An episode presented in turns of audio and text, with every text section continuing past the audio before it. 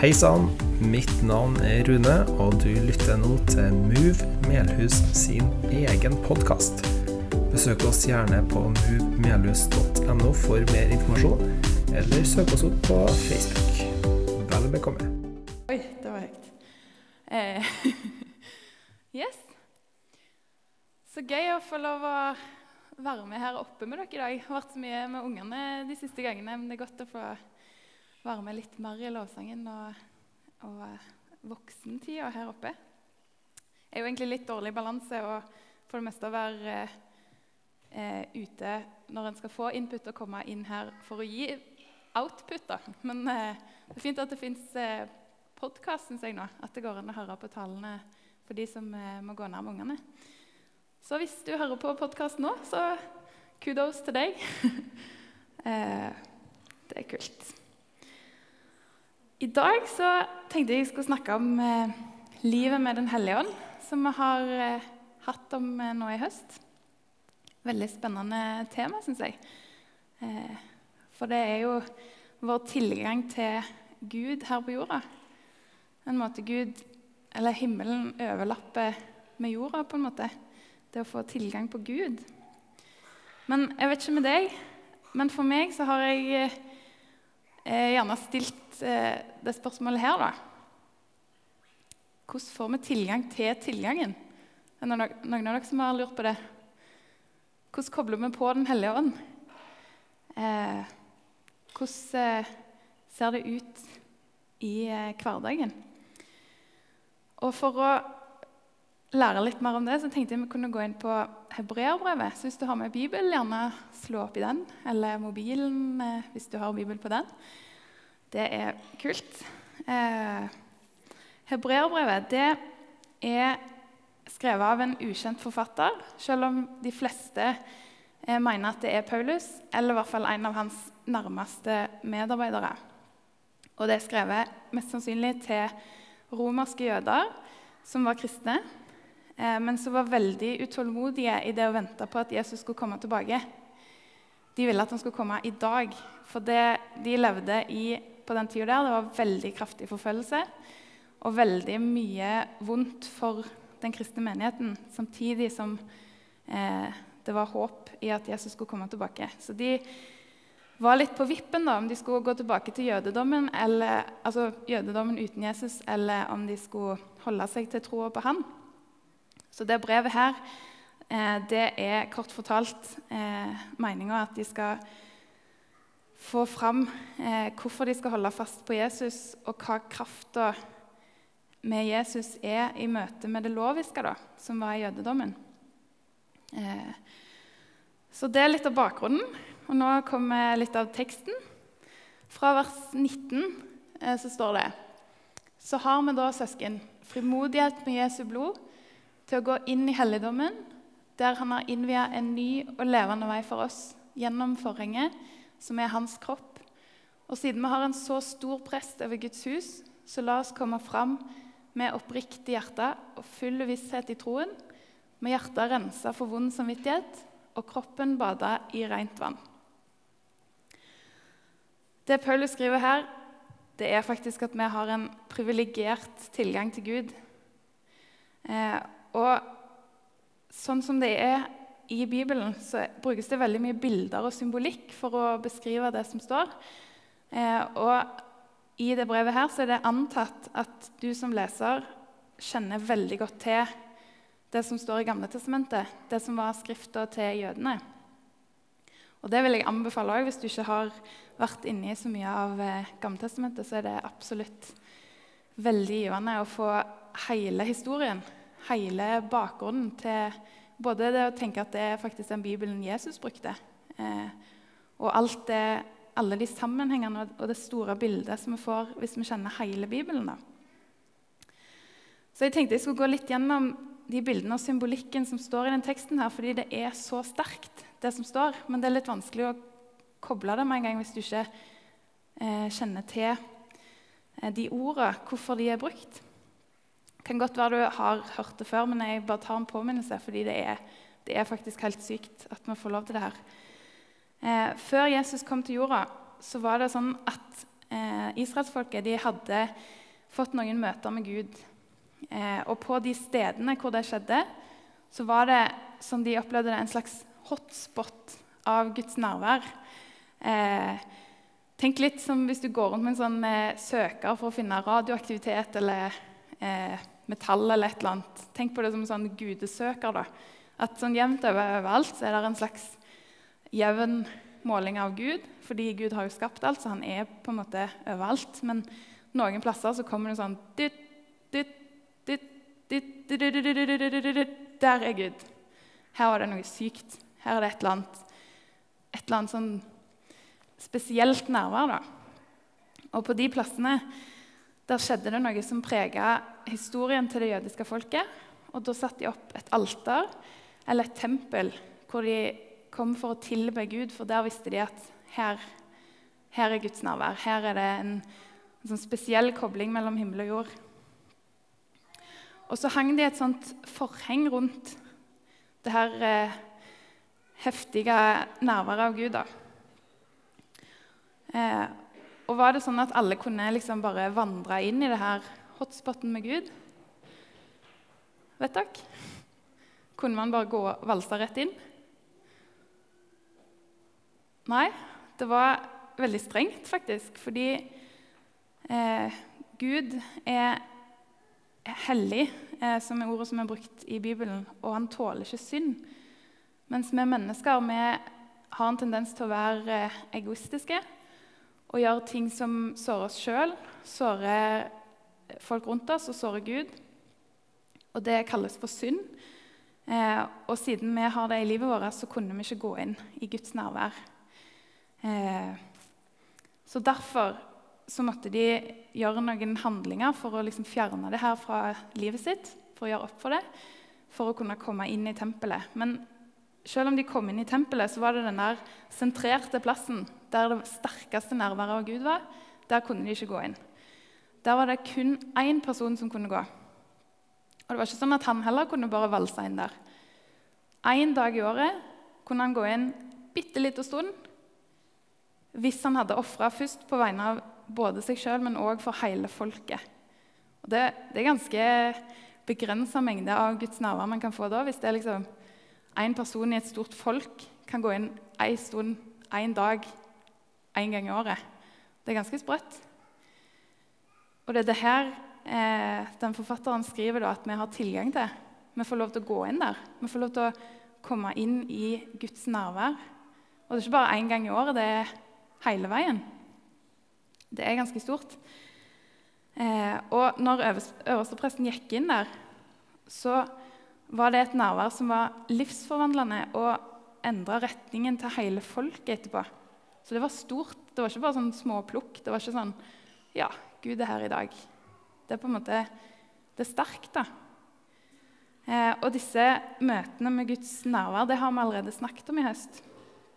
Eh, vi har hørt hvordan Arne Kristian fortalte om det å møte Den hellige ånd eh, når han møter de nedbrutte, sånn som Jesus gjorde. Eh, da får han et sånt nærvær av Gud. Eh, jeg snakket om hvordan Den hellige ånd fyller han med drømmer og visjoner og, og tanker som kan lede han da, i livet. Og Helene snakket om hvordan det å bli prega av Den hellige ånd eh, kan endre, endre, deg innvendig. Eh, og i en form av helliggjørelse. Og hvor godt det er. Eh, og Øystein snakket om oss som det hellige samfunn. Hvordan vi kan være en enhet og, og møte Guds nærvær i det. Og Einar snakket om det å være nysgjerrig på Den hellige ånd og, og det uforklarlige som skjer i møte med Han. Og Dette er eksempler da, på, på, møter med Guds nærvær. Men det som jeg lurte på, var hvordan vi får tilgang til det.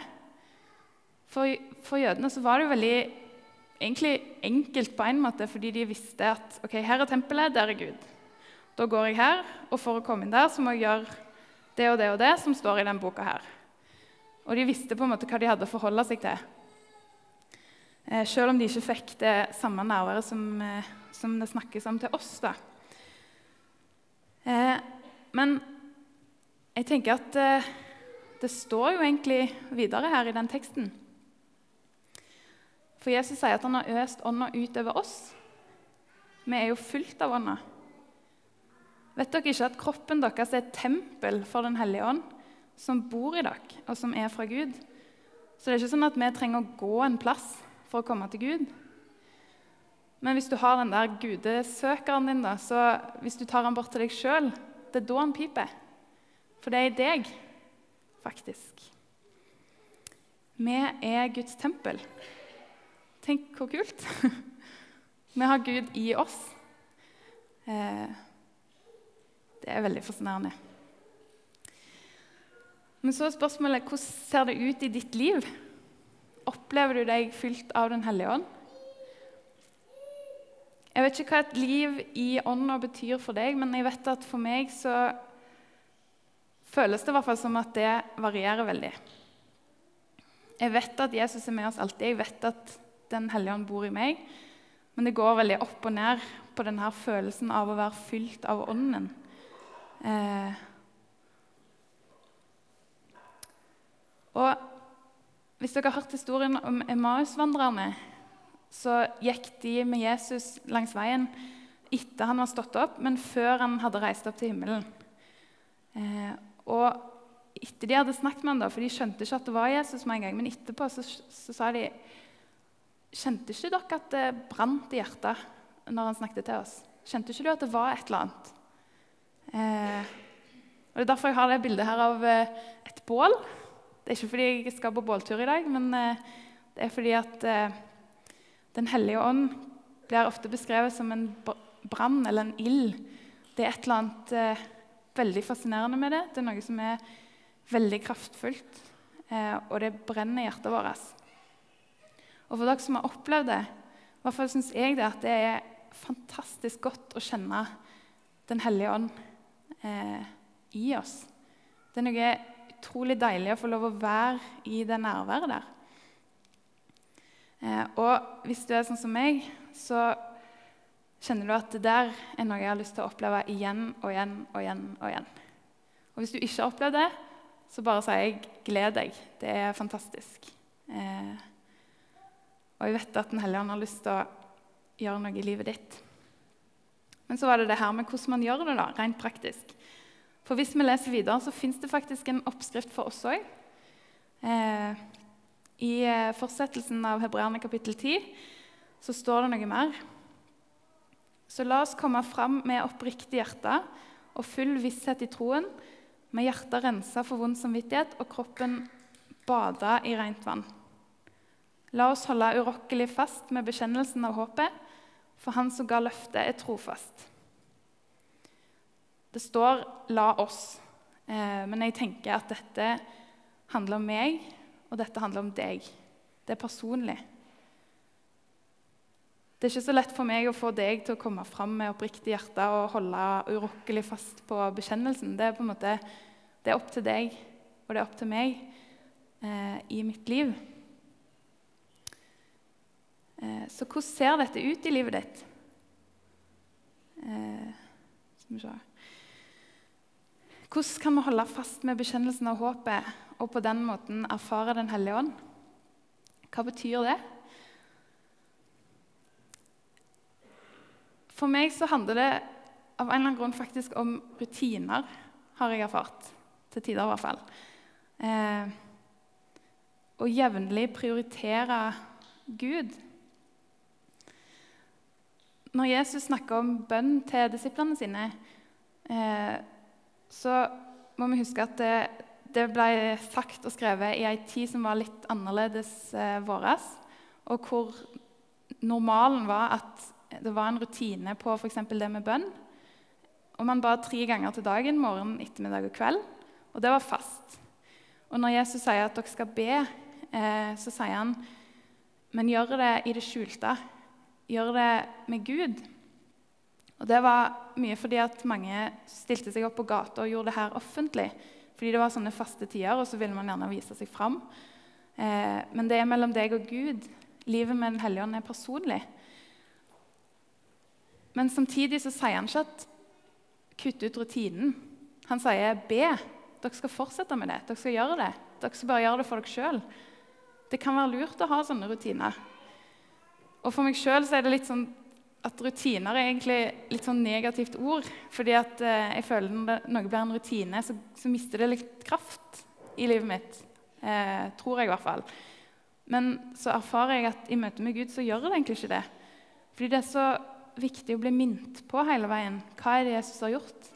Hva er det jeg har tilgang på? Hva er livet med Gud? Og det er lettere med de rutinene.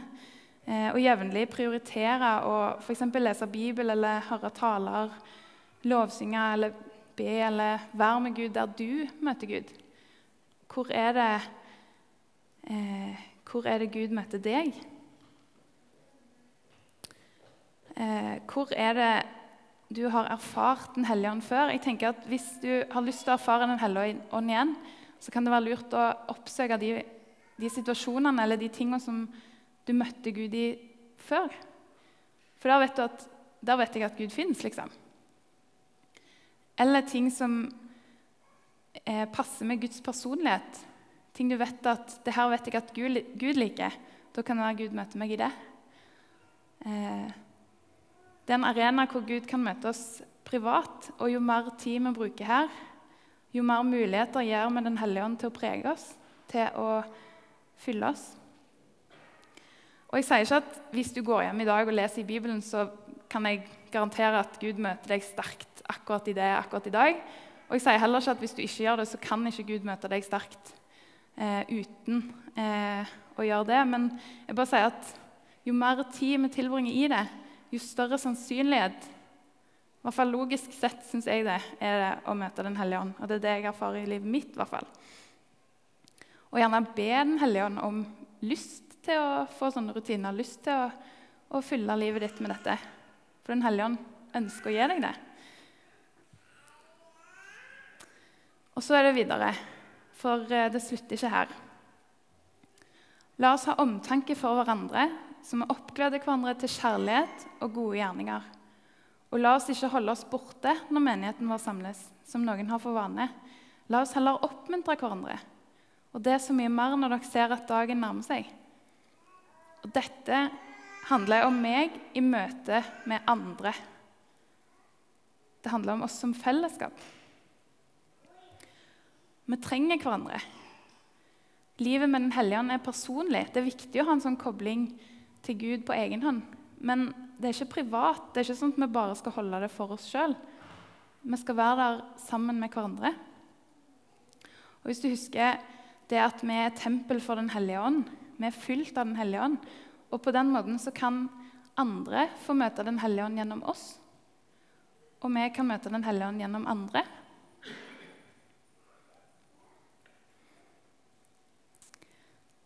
Selvfølgelig handler jo dette her om storfellesskapet, og det snakket jo Øyvind Flø om når han var her for eh, en stund siden. Men jeg tenker at det som står her mer direkte, handler i veldig stor grad om mindre fellesskap. Eh, og Det skal jeg forklare litt nærmere. Vi går enda litt nærmere på teksten. fordi det er litt forskjellige oversettelser av det, det, som står her. Og Det betyr jo bare at det ordet som er oversatt, har litt større eh, litt mer eh, i seg enn det som vi har oversatt det til. Vi har liksom ikke et passende ord som beskriver det helt. Først står det her La oss ha omtanke for hverandre, eller gi akt på hverandre. Vi skal observere hverandre, vi skal ha omsorg for hverandre. Vi skal være der for hverandre, vi skal se hverandre. Ikke bare 'hei, hvordan går det?', men vi skal, vi skal se, se personen, se livet. Hva er bra i livet med de vi møter, og hva er utfordrende? Vi skal både oppmuntre og heie hverandre fram, eh, og vi skal formane hverandre. Eh, formane det syns jeg høres ut som et veldig strengt ord, eh, men det brukes om en sånn oppdragerrolle. Og sånn som vi sang tidligere her eh, En eh, omsorg som er livsforvandlende, for Gud er vår far. Eh, det er det som er den formaninga. Det å formane hverandre i kjærlighet er på en måte å oppdra hverandre. Eh, for vi er hele veien i læring. Det å være disipler for Jesus er å være eh, lærlinger. Vi lærer hele veien. Men dette, det å se hverandre på denne måten det er ikke så lett å gjøre eh, rent praktisk i storfellesskapet. For nå, sånn som dere sitter nå, så er dere jo litt stuck med å høre på meg. Og da er det ikke så lett å liksom, se hverandre på den måten. Eh, det er ikke så lett verken å oppmuntre og heie eller å snakke om ting som er vanskelig. Det bør vi gjøre på andre møtepunkt. Mye lettere når man er liksom, f.eks. i smågrupper. Eh, noen av dere er med i sånn småfellesskap gjennom Move. Eller over en kopp kaffe med noen. Kanskje gå en tur eller lunsj eller en eller annen plass man møtes i hverdagen. Da. Det er mye lettere å, å, å kunne være der for hverandre i de relasjonene utenfor disse store samlingspunktene. Da. Og Da er det lurt å tenke over hvem er mine nærmeste relasjoner. For vi, vi trenger å møte Den hellige ånd gjennom hverandre. Livet med Gud er ikke meint å være bare meg og Gud, eh, for da er det vanskelig å vokse. Det er meninga at vi skal være sammen om det. Eh, og da lurer jeg på Er det rom for å snakke om liv og tro i de relasjonene du har? Er det rom for å være ærlig om hvordan du har det, om hva som skjer? Og hvis du ser at, eh, at noen har noe som ikke er bra i livet deres, tør du å ta tak i det? Og møter jeg Den hellige ånd gjennom de relasjonene jeg har? Er det sånn at det er rom for Gud i, i mine nærmeste relasjoner? Forskning sier at det, man vanligvis bare klarer å ha fem sånne nære relasjoner. Eh, og det varierer jo litt. Noen har jo større sosial kapasitet enn andre. Men, eh, men det er begrensa hvem disse her eh, menneskene er snakk om at du skal eh, ha den typen relasjon til. Og Derfor er det så viktig at de næreste relasjonene faktisk kan inneholde dette. da. For sjøl er vi ofte litt blinde på eh, våre egne feil og mangler fordi vi er oppi det og tenker at det er helt normalt. Eh, men òg kanskje er vi blinde for våre egne styrker. Det er veldig ofte at man ikke klarer å se eh, sin egen verdi. Eh, den verdien Gud har gitt oss. Og det er typisk det her med det å se flisen i din brors øye, men du ser ikke bjelken i ditt eget. Men så vi er så vant til å se denne bjelken at vi klarer ikke å oppfatte at den er der. Eh, helliggjørelsen som Helene snakket om, det er jo noe positivt. Det at vi kan være med og, eh, og hjelpe hverandre. Og eh, helliggjørelse er ikke at vi skal liksom, bli sånne stive pinner som holder oss i skinnet for å ikke gjøre noe galt. Jeg skal klare å ikke gjøre noe galt. Eh, eh, men det med helliggjørelse handler om å få en større del av livet med Den hellige ånd. Eh, og alt det gode som følger med. For det er virkelig, virkelig fantastisk. Og det er noe vi kan hjelpe hverandre med. Kan, andre kan hjelpe oss å få en vekker, og vi kan gjøre det samme. Eh, vi må heie på hverandre. Og Siden jeg snakker om dette nå, så er det fort gjort at dere tenker at dette er noe jeg kan. Eh, men realiteten er at dette er noe jeg er klar over at bør ha en mye større del av livet mitt. Det er noe jeg ønsker at skal fylle alle relasjonene mine. Eh, og Derfor mener jeg det er så viktig å snakke om det. Og Jeg har lyst til å ta et, et, et eh, veldig enkelt eksempel eh, fra mitt eget liv. Og det er at når jeg gikk på videregående, så hadde jeg en kompis eh, som stilte meg et spørsmål en gang. Og Bakgrunnen for det spørsmålet det var at eh, jeg var jo ung og dum da. Nei da. Men eh, jeg var opptatt av å passe inn, som vi veldig ofte er. Vi er opptatt av å liksom høre til og passe inn i det miljøet man er i. Eh, og da var jeg et miljø som hadde veldig mye sarkastisk humor. Eh, hvor en del av det vi bonda over, var å klage på ting og se det negative og på en måte være litt sånn sutrete. Det var kulturen vår da. Eh, og som en del av det sjøl så merka jeg det ikke, fordi jeg var så vant til at det var sånn vi snakket til hverandre.